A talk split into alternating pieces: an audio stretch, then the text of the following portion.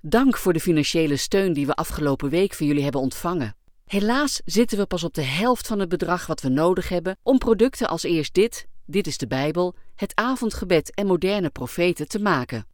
Mocht je daarom nog geen gift hebben gegeven of nog een extra donatie willen doen, dan vragen we je dat alsnog te doen. Ga naar het berichtencentrum in de Eerst Dit app of naar de website www.izb.nl en doneer daar gemakkelijk en snel aan de IZB via een tikkie.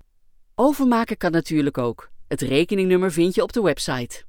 Alvast hartelijk dank. Eerst dit, de Bijbelpodcast van de Evangelische Omroep, IZB en NPO Radio 5, die je elke werkdag helpt ontdekken wat Jezus volgen voor jou betekent. Vandaag door Dirk de Bree.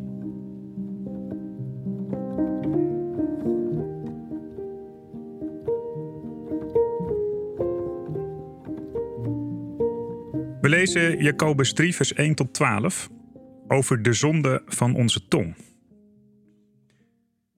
Broeders en zusters, u moet niet allemaal leraar willen zijn. U weet dat ons leraren een strenger oordeel te wachten staat.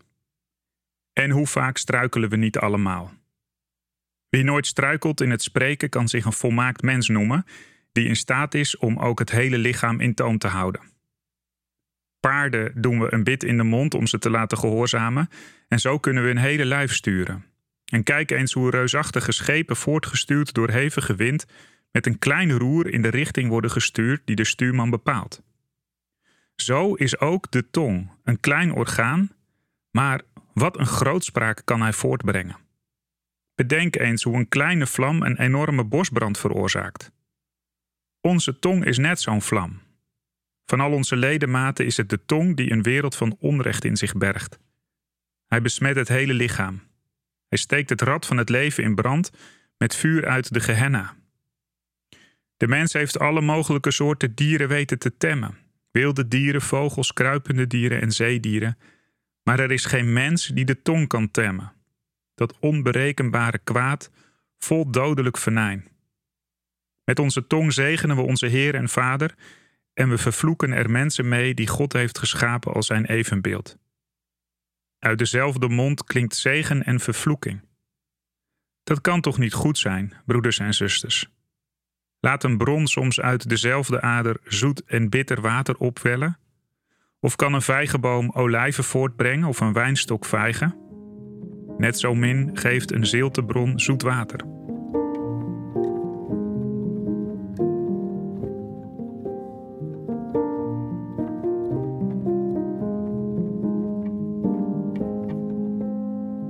Pak een kussen, neem het mee naar het dak van je huis, snijd het open met een mes. Dat was de opdracht die de priester gaf aan een vrouw die bij hem biechte. Ze had geroddeld over een vriend. Het speette haar en ze wilde het goed maken. Ze deed wat de priester haar had opgedragen. Ze kwam terug en vertelde het de priester. Wat gebeurde er toen je het kussen opensneed? vroeg hij.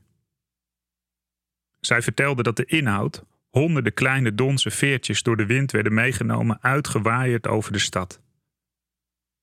Ga nu de stad in, zei de priester, en verzamel alle veertjes weer bij elkaar. De vrouw schrok zich een ongeluk en riep uit: Maar dat is onmogelijk. En dat, zo zei de priester, is nu roddel. Dit verhaal is onderdeel van een preek in de schitterende film Doubt. De priester die deze preek houdt wordt beschuldigd en de vraag is of het waar is of niet. Zijn reputatie is hoe dan ook beschadigd. Roddel maakt een mens kapot. Je kunt beter je tong in toom houden. Niet te snel, niet te makkelijk praten.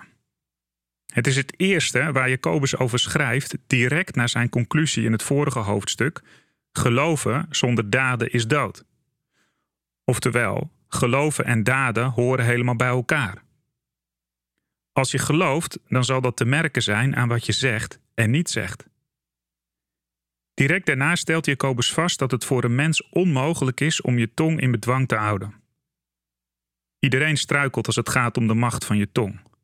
Het is maar zo'n klein ding, maar wat een ongelooflijke kracht heeft het woord. Onze tong veroorzaakt veel kwaad, zoals een niets ontziende bosbrand alles vernietigt. Roddel. Het kan klein beginnen, maar als het aangewakkerd wordt, kan het een leven kapot maken. Achteraf sorry zeggen helpt dan niet meer, zo zien we in de film Doubt. Dat maken we vast op vele manieren mee. Halve waarheden, leugens, nepnieuws, het zorgt voor heel wat conflicten. Relaties die stuk lopen, mensen die gekwetst worden. Dat is het ergste volgens Jacobus.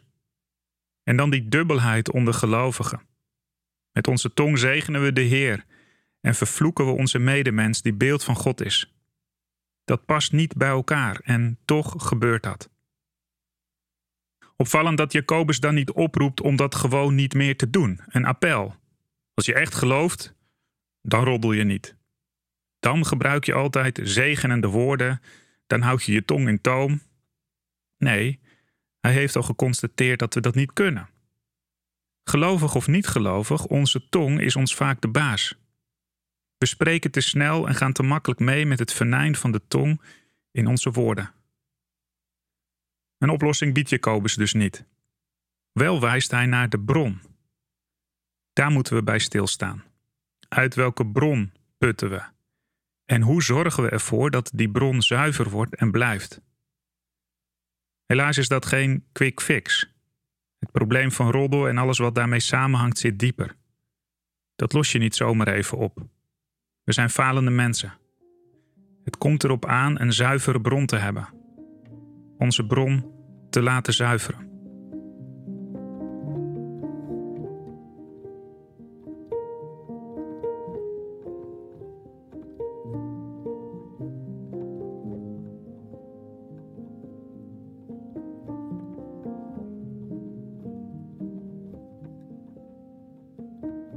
Kom, Heilige Geest, vervul ons helemaal. Reinig ons van binnen, zuiver ons hart. Maak onze woorden uw woorden. Behoed ons voor struikelen en schenk ons wijsheid, dat we weten wanneer we zwijgen moeten en wanneer we mogen spreken. Wakker het vuur van uw geest aan in ons, in uw kerk, in deze wereld.